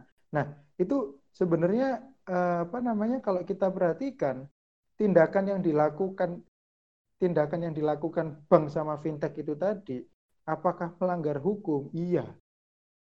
Mm-mm. Karena apa? Karena sebenarnya pengintegrasian data tersebut itu secara otomatis menjadikan perusahaan fintech itu tadi menjadi agregator kan? Eh sorry, Padahal menjadi acquirer kan? Padahal Menjadi acquirer. Padahal Menjadi acquirer. Nah, acquirer tuh harus punya izin sendiri. Ih, Izin itu harus punya izin sendiri. Itu tadi loh saya, saya katakan bahwa di dalam prakteknya mereka itu selalu melakukan dua tiga langkah yang tidak terpikirkan oleh orang hukum sebelumnya gitu loh. Mi, mi, mi, Jadi- berarti kata-kataku soal link tadi dihapus ya? Gila, ya, dia, dia, Ujungnya ternyata soal perbuatan melawan hukum.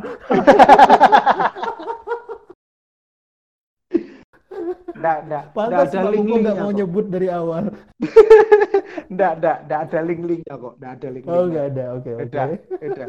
Ini narasumber yang ngomong nggak ada link-linknya kok. Udah, Oke, aman, aman, aman gitu Oke. kan. Aman. Gitu. Jadi nggak. jadi jadi jadi hal-hal menarik seperti itu itu yang sering banget kita yang sering sekali kita temui kalau misalkan kita mau berpraktek di dalam dunia financial technology gitu loh karena karena memang eh, karena memang sangat-sangat menarik dan even kita bisa dan even kita bisa eh, kita bisa apa ya dalam tanda kutip saya kasih contoh kasus lagi aja yang seru ini kalau Hmm. ini saya terlibat ini saya terlibat Eh, Terlibat jadi- melakukan kasusnya atau? oh enggak maksudnya saya Ngawur, terlibat di ngawur. penanganan perkara perkaranya Oke, Pak. Enggak, jadi ada satu ada satu perusahaan, jadi ada satu perusahaan. Terus kemudian dia itu ada indikasi dana mengendapnya. Jadi dana mengendap itu adalah dana yang tadi saya ceritakan dari pengguna-pengguna yang unrek tadi itu loh. Hmm. Nah, itu setiap disinkronisasi, itu dananya itu hilang sekitar berapa ratus juta. Wow. Hilang berapa ratus juta. Nah, terus kemudian ternyata dana tersebut itu di cash out. Hilangnya itu di cash out. Maksudnya? Di Cash cash out itu maksudnya dicairkan. Oke. Lah, Di Sekarang kan? logikanya, iya, sekarang logikanya, lo kok lucu? Sekarang kok lucu? Dia penggunaan rek kok bisa mencairkan. Kalau kita misalkan nih, kalau saya kaitkan dengan salah satu merek tertentu, kalau kita pakai OVO misalkan, Mm-mm. kita nggak premium, kalau kita nggak pakai OVO premium, kita kan nggak bisa transfer, even ke sesama OVO kan nggak bisa gitu, Iya, ingat saya. ya ingat. kan? Soalnya udah lama nggak premium, udah lama pas nggak premium ya. Ya kan? Nah, sekarang kok kok lucu, kok lucu.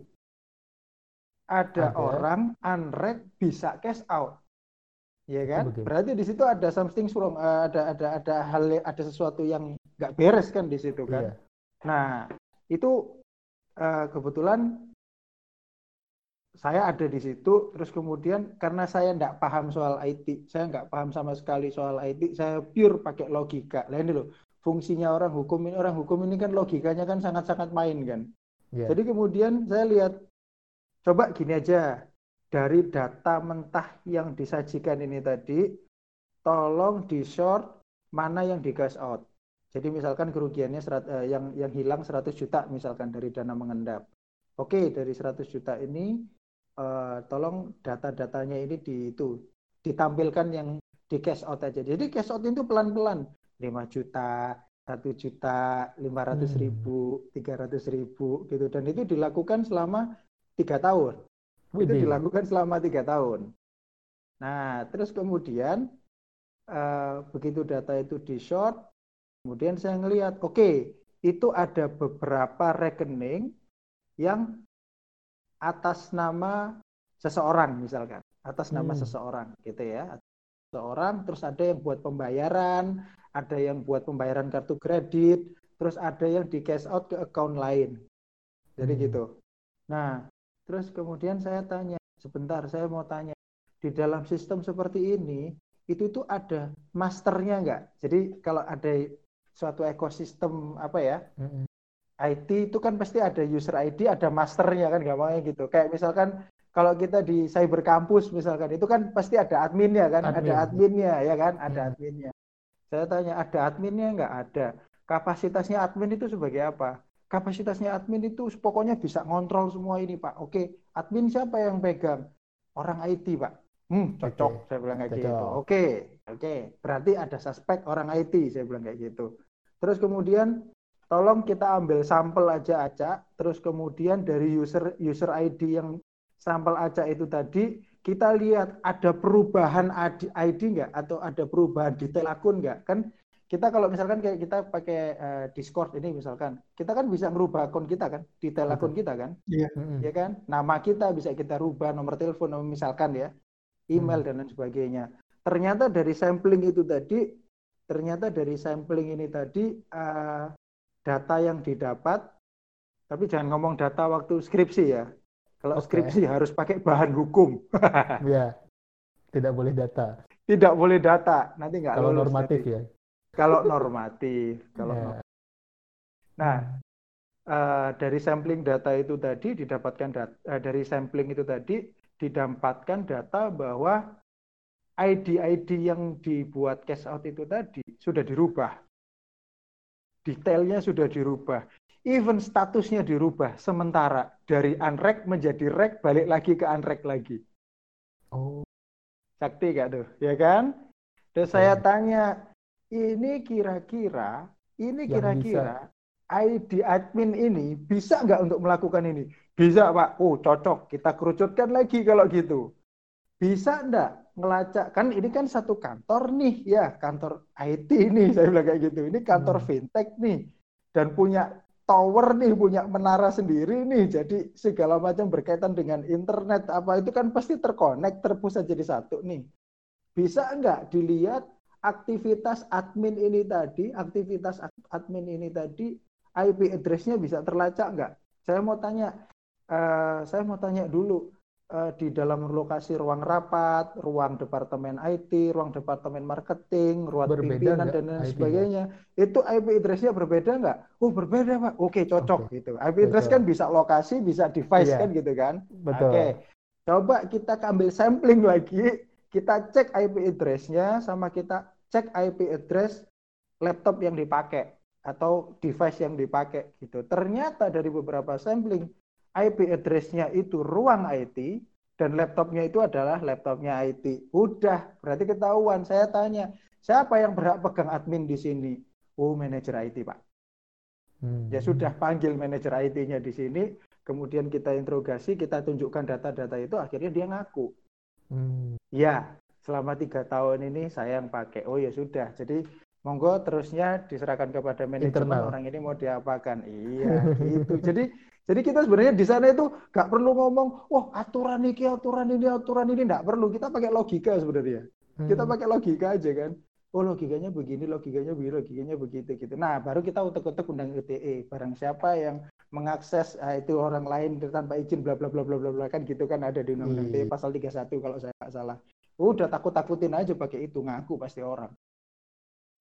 Nah, Berarti jadi ini ya butuh pengetahuan teknis soal IT juga yang kayak tadi ternyata Pak Kukuh tahu soal IP address, soal Loh, tahu itu soal IP address kan loh IP address kan sebenarnya apa ya orang kalau pakai komputer orang pakai handphone kan ada. Maksudnya Tapi tidak semua orang Masih paham umum, itu Pak, ada ya? loh Pak.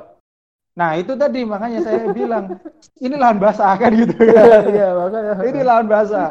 Saya banyak berarti pastikan hanya lawyer-lawyer muda yang berani ngambil di bidang-bidang seperti ini, ya apa enggak? Betul. Iya kan? Iya kan? Tanpa maksud saya mendis eh, tanpa maksud saya mendiskreditkan yang sudah sepuh-sepuh, yang sudah berumur, cuman kan kita yang jauh lebih update dari hal ini gitu loh. Makanya Iya. saya men-encourage eh, sekalian juga saya mengencourage teman-teman mahasiswa hukum itu ambillah bidang-bidang yang belum ada, yang belum ada yang minat dan itu karena sebenarnya itu lahan basah banget kan gitu. Gitu. Jadi serunya di situ. Jadi oleh karena itu sejak saat itu saya eh, saya jadi jadi parno sendiri. Maksudnya saya jadi parno sendiri. Saya kalau menggunakan electronic money saya akan top up sesuai yang saya butuhkan. Saja. Saya saya nggak Hmm. pernah saya nggak pernah nyimpen karena apa? Mungkin perusahaannya itu oke, tapi gimana pun kan ya namanya orang ya kita kan nggak pernah tahu Betul. kelakuannya orang kan gitu. Ya ini sebenarnya perusahaannya juga kasihan seperti yang tadi saya ceritakan. Kalau misalkan 100 juta itu dituntut atau diminta sama yang punya, ngembalikannya gimana kan gitu. Kan pasti pakai uang perusahaan kan gitu. Iya, betul. Iya, karena yang salah kan orang internalnya gitu. Aduh. Berarti manajer IT-nya tadi kurang canggih juga ya, nggak pakai pengacak IP ya? Kenapa? Oh iya, coba dia kontak saya terlebih dahulu, tak ajari nyolongnya yang bener. Pokoknya Waduh. dum-dumnya enak kan gitu. Gak, gak. Tinggal tinggal bagi-bagi. Nah itulah makanya fung Nah itulah makanya fungsi orang hukum itu sebenarnya kan pengamanan, mitigasi kan gitu kan. Hmm. Nah sekarang kita itu kita itu eh, dalam prakteknya kita itu sebagai mahasiswa hukum nanti kalau kita output keluar dari sini itu kadang kita tuh sebagai pencari solusi gitu kan. Kita kurang fungsinya sebagai sarana mitigasi gitu loh karena sebenarnya proses-proses bisnis yang semakin kompleks yang terjadi di dalam PMS itu sebenarnya membutuhkan aspek-aspek hukum yang luas. Seperti seperti itu gitu. Karena kayak contoh misalkan sekarang prinsipal misalkan. Prinsipal itu contohnya yang gampang kita tahu itu adalah visa. Ya. visa mastercard GPN Ya, GPN terakhir. kalau ada GPN gitu kan. Nah itu sebenarnya eh, apa ya Eh, mereka itu kan menjadi suatu induk ya gampangannya ya. Mereka mere- induk suatu transaksi kan gitu kan. Nah itu nanti ke depannya di electronic money kenapa diatur mengenai prinsipal? Itu karena nanti ke depannya itu Bank Indonesia nah ini keren ya ini saya eh, apa ya mengapresiasi Bank Indonesia. Bank Indonesia dalam peraturan Bank Indonesia-nya tentang electronic money itu mengatur tentang prinsipal. Jadi mereka itu memitigasi bahwa nanti ke depannya antar electronic money itu ada switchingnya. Nah, bisa transfer Iya. bisa. Nah, kita dari OVO bisa ke GoPay, ya kan? Betul. Kita dari OVO bisa ke GoPay, GoPay ke OVO, ke Dana dan lain sebagainya Hmm. gitu loh. Karena kan kalau kita perhatikan di mall-mall itu kan diskonnya beda, ya apa enggak? Betul. Kadang kita kalau mau beli boba pakai harus pakai Dana top up lagi Dana ribet kan gitu kan? Iya, padahal habis habis top up OVO berapa juta gitu misalnya ya. Nah, misalkan seperti itu, ya kan? Seharusnya kan bisa dipindah ya. Harusnya bisa dipindah kan gitu. Eh, atau Gitu. iya sih. Dan itu lebih memungkinkan daripada kita berharap eh, electronic money cuma jadi satu, misalnya cuma ada OVO, nggak nggak mungkin ya. Lebih mungkin mungkin. ada switching ya. Nah mungkin, iya lebih mungkin ada itu. Makanya mereka mereka sudah mempersiapkan instrumen-instrumennya itu dari awal kan gitu. Itu sih saya apresiasinya sama Bank Indonesia. Mereka udah memikirkan hal seperti itu. Gitu. Tapi kita sepertinya perlu klarifikasi ke pendengar ini kenapa Hilmi sama Reza jarang ini bukan apa-apa tapi karena koneksi. Koneksinya jelek banget, aku takut Putus-putus. Iya. Beberapa kali hilang-hilang. Kalau putus-putus nggak record ya? Eh, Tetap Record. record coba. Iya. Oh gitu. Kerekodnya putus-putus tapi Pak. Recordnya putus-putus ya. Eh, Sayang kalau Oh iya. makanya mereka lebih diam nih. Gitu. Jangan jangan mengira podcast ini sedang diakuisisi oleh Juli enggak. Hmm. Bukan aku yang menguat tapi mereka yang melemah ya. Sinyalnya. Sinyalnya. Sinyalnya melemah gitu. Menarik, menarik, menarik. Gitu. Lahan basah dan ini benar-benar cocok buat anak muda yang Yes, benar. Sangat Ah. cocok untuk anak muda. Sangat cocok untuk anak muda. Karena saya yakin lah paling paling untuk Mas Hilmi, Mas Reza dan dan kawan-kawan seangkatan mereka itu mungkin jauh lebih paham teknis daripada saya sama. Pak Ijul misalkan seperti itu. Karena dengan iya, dengan karena secara menurut saya sih secara otomatis orang kalau semakin dengan berkembangnya teknologi dan semakin bertambahnya umur juga mereka ya juga semakin nggak aware juga sama perkembangan mungkin ada beberapa yang ada sebagian yang aware juga gitu loh eh, iya, iya. karena buat Dan- buat orang yang semakin bertambah usia itu kenyamanan yang penting Pak Ijul ya bener ya Betul. betul Tidak mau ribet. tidak mau ribet kita semakin nyaman itu ya udah semakin simpel semakin nyaman Iya. gitu loh Serahkan ke mereka-mereka yang muda yang ribet-ribet. nah betul Eh, kenapa cocok juga buat anak muda? Karena pengetahuan teknisnya tadi kadang-kadang tidak perlu dicari secara khusus gitu. Dari kehidupan sehari-hari pun mereka bisa paham itu. betul Sambil mereka kuliah di hukum, pengetahuan teknis soal teknologi ini bisa didapat dari kehidupan sehari-hari aja. Betul. Dan satu lagi, dan satu lagi, kadang kalau misalkan uh, uh, orang-orang hukum yang berkecimpung di dunia fintech seperti ini dan mereka berhubungan dengan para programmer, ya kan? Kalau mereka tidak bisa melogikakan hal tersebut, mereka tidak bisa melogikakan hal tersebut, itu itu mereka nggak akan bisa ngikuti gitu loh. Dan kita tidak akan bisa menentukan uh, apa ya pendapat hukum karena kita nggak paham itu mereka hmm. gitu. Kayak kayak contoh misalkan kayak contoh misalkan uh, waktu itu ada uh, waktu itu ada ini saya tahu sendiri waktu itu ada perusahaan fintech terus kemudian dia kan bisa bekerja sama antar platform nih ya kan? Nah ada dan di dalam regulasinya itu kerjasama itu harus ada perjanjian. Harus ada perjanjian. Nah, kemudian singkat cerita ada perusahaan fintech, mereka mau bekerja sama dengan online retailer, ya kan? Dengan dengan retailer online. Nah, terus belum ada perjanjian, ini sistem sudah tersambung. Nah, ini loh, belum ada perjanjian, ini sistem sudah tersambung. Nah, sebenarnya kalau dari kalau kita tanpa melihat legalitas, itu sama-sama menguntungkan kan gitu kan sama-sama menguntungkan tidak ada sebenarnya tidak ada masalah gitu loh cuman masalahnya adalah setiap perusahaan finansial teknologi itu dalam setiap kerjasama yang dia lakukan itu pertama harus ada perjanjian yang kedua harus melaporkan kepada BI hmm. nah ternyata fintech tersebut sudah mendapatkan teguran dari BI di mana teguran tersebut itu ada jangka waktunya. Surat pertama dalam jangka waktu 60 hari tidak ditindaklanjuti dengan cara pemutusan hubungan kerja, ya kan? Atau sorry, pemutusan kerjasama bukan pemutusan oh, hubungan, kerja, kerja PHK. pemutusan PHK, pemutusan kerjasama atau uh, apa ya satunya lagi saya lupa. Pokoknya intinya kalau segera tidak tidak ditindaklanjuti. Bikin kontrak tuh.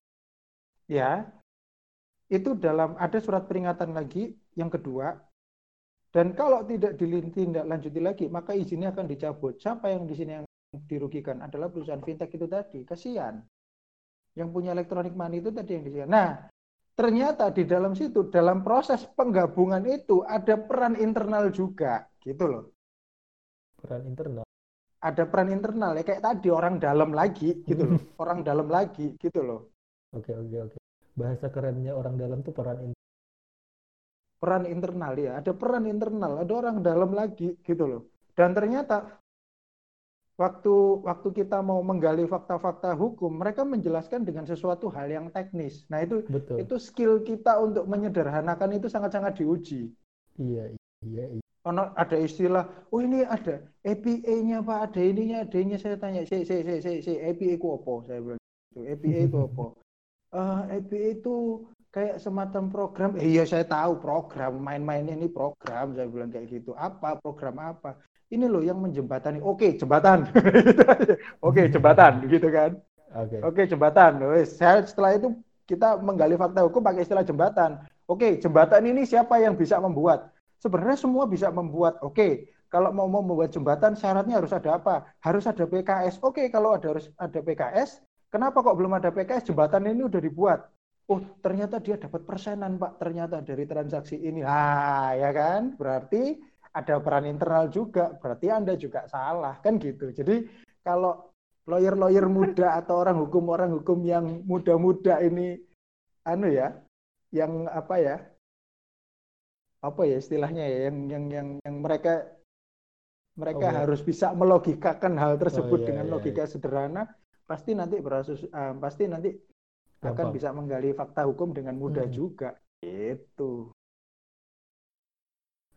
Anak-anak bisnis ayo bonggo ngomong oi gitu ini yang nanya anak peradilan nih dari tadi Loh karena ya, memang dari asik, tadi mas. kita ngobrol tuh tugasnya anak peradilan biasanya ya kan? Iya. Yeah. Anak bisnis yang di belakang layar bikin dokumen ya kan gitu.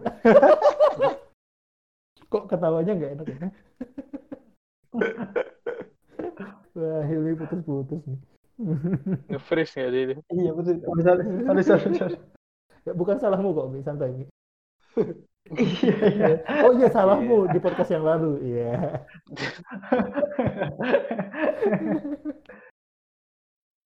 Ya ya ya ya. Menarik Gitu. sekali obrolan ini udah dan udah lebih dari satu jam lagi. Kita Oh iya? ngobrolin soal fintech. Dan, Oh Udah iya. hampir dua SKS ini. Eh, Dua SKS. Iya, kayaknya empat ini. tempat ini Empat ini tadi nih. Asik juga malam-malam ngobrolin ginian. Iya, makanya semakin makanya semakin malam itu otak semakin bekerja, Pak. Makanya ngomong semakin banyak kan gitu. kan. Asik. Cocok banget sama Hilmi, Pak. Ketika pagi datang, otak itu op. iya, kayak kayak iya. Kalau kita ngerjakan sesuatu pagi-pagi tiba-tiba disconnect gitu aja. kayak kayak wifi-nya Hilmi sekarang. Gitu. Oke, oke. Eh, Sudahkah? Ada lagi pertanyaan, Pak? Sudah sudah. Udah Kayaknya sih aku mas, nggak udah. nggak bisa nanya juga maksudku daripada putus-putus. Udah jelas. Tahu kan ini udah berebut-berebut Mas Ilmi tuh. Mm-mm, berebut berebut. Iya. Jadi tadi kita udah ngobrol sempat ada bahkan mungkin sampai sekarang ya ada lex imperfecta yang mungkin kita juga belum tahu dan itu jadi buat hmm, praktek hukum kita. Kemudian yang Ya. sudah ada regulasi-regulasinya pun di dalamnya secara teknis ternyata masih banyak lahan Betul. anak-anak muda Betul. buat Betul. ngambil peran di situ, baik di Betul. pencegahan, di mitigasi maupun di penanganan perkaranya. Betul. Betul. Dan Betul. semoga ini karena. Karena kadang gini Pak Yujul, kadang ya itu tadi masalahnya eh, ini saya nggak tahu kenapa ya, karena perkembangan menurut saya, menurut saya nih, menurut saya pribadi, sebenarnya perkembangan peraturan perundang-undangan itu sebenarnya harus disesuaikan dengan perkembangan eh, ini juga, perkembangan yang terjadi di masyarakat juga gitu loh. Dan kalau kita melihat, mungkin kalau kita melihat dari banyak sisi itu banyak yang dianggap urgent kan gitu kan Mm-mm. Dan banyak yang perlu dirubah juga gitu loh. Memang kalau dalam membuat suatu peraturan perundang-undangan itu memang membutuhkan waktu yang lama, tidak gampang kan gitu kan. Mungkin teman-teman kalau sudah pernah iseng membaca suatu naskah akademik itu kan eh, tebelnya minta ampun kan gitu kan. Dan itu penyusunannya pun aduh, penyusunannya Iya. itu kayak itu kali kayak 10 skripsi ditumpuk kali. Ya kan kalau naskah akademik itu kan. Nah, dan kita bisa Mirip-mirip bayangkan kita bisa ya. Lah. Waduh, kalau saya inget-inget itu tuh jadi merinding gitu ya. Berkas NMCC. Juri Iya, kalau juri kalau ngoreksi berkas MCC itu, waduh, nggak kira-kira itu panitia itu. Ini di podcast ini saya juga mau menyampaikan protes sama panitia ini. Tolong lain kali berkas itu disingkat-singkat aja ya, nggak usah detail-detail. Berkasnya berapa Mbak? Empat Pak, nggak banyak kok Pak. Oh ya saya minta yang paling dikit. Iya gitu katanya. Bawanya pakai troli. Iya. Bayangan saya bisa dibawa ke bagasi mobil gitu. Ternyata ya nggak bisa juga gitu. Akhirnya minta Bawanya pakai Mbak. troli diseret gitu. Allahu Akbar saya melihat. Gitu.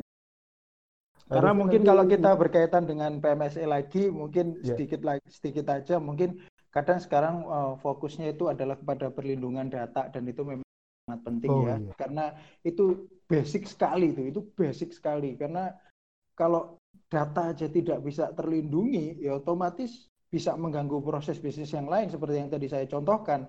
Perlindungan datanya belum bisa maksimal, terus kemudian ada perusahaan-perusahaan yang bergerak di bidang financial technology, datanya dibobol, terus kemudian eh, apa namanya dengan dibobol data itu bisa mengakibatkan kerugian, ya itu juga itu karena sebenarnya ya mungkin ya saya setuju sekarang yang lagi gencar dibahas itu tentang perlindungan data pribadi, memang karena itu sangat penting kan gitu kan, Hmm. gitu. Even Zoom aja dibobol kan isunya Iya. kemarin kan, Iya. ya kan Zoom bisa dibobol ya. itu kan. Itu saya dapat informasi di Fakultas Kedokteran saya nggak Oh, tahu bener apa enggak ya kan tahu kan ya di Iya, fakultas tahu, tahu. kedokteran pada saat anak-anak kuliah gitu kan di Zoom kan ada fasilitas bisa gambar tuh Oh iya iya iya iya. nah itu Virtual ada yang background. gambar ada gambar yang nggak benar terus kemudian ada yang tiba-tiba ngechat pakai bahasa lain gitu itu kan berarti Iya. kan Itu ada yang itu ada yang nge-share ke media sosial layarnya terus ID meetingnya kelihatan paling. Nah bisa Nah, jadi itu ya itu nggak hati-hati aja sih. ya bisa jadi bisa jadi Ah, terus ada pertanyaan satu Pak, terakhir Hmm, final mungkin hmm. ya. Hmm, hmm, Kan tadi ada unrek sama rek ya untuk Ya. user. hmm. Kenapa nggak dibikin ditutup aja gitu yang unrek ini sebenarnya sih? Apa Jadi- memikirkan soal penambahan user? Jadi gini, kalau kita melihat secara praktek ya, kalau memang kalau saya jawabnya secara normatif sih gampang, memang itu difasilitasi di dalam peraturan Bank Indonesia kan gitu Ya, kan. ha- oh ya. Nah, sebenarnya kalau kita mau lihat unrek atau rek, sebenarnya bedanya hanya fasilitas saja itu yang pertama. Hmm, Terus yang kedua, dari segi ini secara ini ya, kalau kita eh, kalau kita melihat proses yang normal, dalam tanda kutip proses yang normal, sebenarnya kalau mau penggunaan rek pun sebenarnya ya ya ya nggak ada masalah juga gitu loh, nggak ada masalah juga. Karena gampangannya ya kayak kita menyimpan terus kemudian kita menggunakan ya kayak gini loh, kayak kalau teman-teman pernah belajar sejarahnya uang kertas itu kan sebenarnya kan uang kertas itu kan sebenarnya kita punya emas dititipkan terus kita Iya, dapat betul. bukti penitipan kan gitu kan. ya, betul. Nah, lambat lama lambat laun itu yang dijadikan untuk sebagai alat transaksi kan gitu kan. Iya. Jadi sebenarnya berangkatnya dari situ sebenarnya dan dan kalau itu yang pertama, eh itu sorry itu yang kedua. Terus yang ketiga itu saya melihatnya itu sebagai fostering sebagai supaya masyarakat itu lebih aware dan menggunakan uang elektronik gitu loh. Oh, Karena ya karena Kalau eh, dibikin ribet jujur aja awal, Yes, Mm-mm. karena jujur aja budaya cashless itu ternyata lebih dulu sudah ada di negara-negara lain. hmm, Even waktu saya dulu ambil di waktu saya dulu ambil magister dulu di Inggris itu jarang sekali bawa uang cash, jarang Hmm. sekali bawa uang cash karena karena jadi dompet itu lebih tipis gitu karena semuanya even toko-toko kecil pun itu mereka sudah ada edisi. mm-mm. Jadi di situ eh, sebenarnya lebih itu kan karena kalau kita melihat kalau kita melihat ini mungkin saya keliru ya kalau saya menganalisis itu dengan semakin banyaknya dengan semakin banyaknya uang yang beredar itu nanti impact-impact negatif itu juga semakin banyak gitu loh. Mm-mm. Otomatis mau dikontrol dengan ketat melalui uang elektronik server base ini tadi karena kan pengontrolannya kan mudah semuanya terdata beda dengan uang fisik kan gitu kan beda dengan uang fisik makanya teman-teman kalau perhatikan kalau perhatikan Mm-mm. pada saat malam takbiran malam takbiran ya Mhm. biasanya malam takbiran itu kita mau cari ATM yang mengeluarkan uang cash itu susah pernah nggak merhatikan Pernah, pernah, pernah. even di bank, even di Oh, kantor cabangnya bank, dia punya ATM 5 misalkan, yang bisa dipakai cuma satu. Oh, iya. Nah, karena itu sengaja, memang disengaja. Karena itu memang disengaja. Supaya apa? Uang yang beredar tidak terlalu banyak di masyarakat, kan gitu kan. Hmm, iya, iya. Gitu sebenarnya. Jadi itu memang disengaja. Ini saya dapat informasi dari orang bank sendiri gitu loh. Jadi saya penasaran terus saya tanya, eh bankmu itu loh, uang malam takbiran itu cek angel ya cari uang apa cari cari. ATM saya bilang kayak Hmm. gitu. Even di tadi yang saya ceritakan di cabang pun atau eh, atau banknya itu sendiri, misalkan punya empat ATM yang satu yang cuma bisa dipakai, yang tiganya error, dia bilang sengaja bro, dia bilang. Kenapa? Soalnya supaya mengontrol peredaran, jadi supaya nggak terlalu banyak yang beredarkan apa uang tunai yang beredar. Jadi salah satu salah sarana controlling itu tadi kan. Mungkin menurut teori ekonomi ini eh, apa namanya semakin Inflasi. banyak uang yang beredar, nanti resikonya inflasi dan nah, itu nanti orang ekonomi kali yang bisa jawab. Berarti nanti apa eh, pesannya pesan moralnya adalah kalau mau lebaran ya seminggu sebelumnya udah narik duit aja duluan. Betul, betul. Jadi ujung obrolan sekali. kita ujung-ujungnya kesimpulannya adalah kalau lebaran tolong ambil uangnya amin seminggu gitu ya. berapa jam ngobrol kesimpulannya sederhana itu. Sederhana. Kesimpulannya bukan yang dibahas dari awal. Oke oke. Gitu. Banyak lagi sebenarnya pertanyaan tapi sepertinya eh, kasihan pendengar juga kalau terlalu panjang podcastnya. Ini Oh, kita iya. Iya. Loh, banyak, apa-apa, Pak. kita mengetes kekuatan kuota pendengarnya kan gitu kan. Bener. Kuat-kuatan antara podcast Kadang- ini sama kuota pendengar gitu kan. Karena kan netizen itu kan kadang kan anu kan, kadang kan sombong kan. Bilang Anda meremehkan meremehkan kuota saya kan. gitu kadang-kadang komennya. Tapi ya ya ya ya.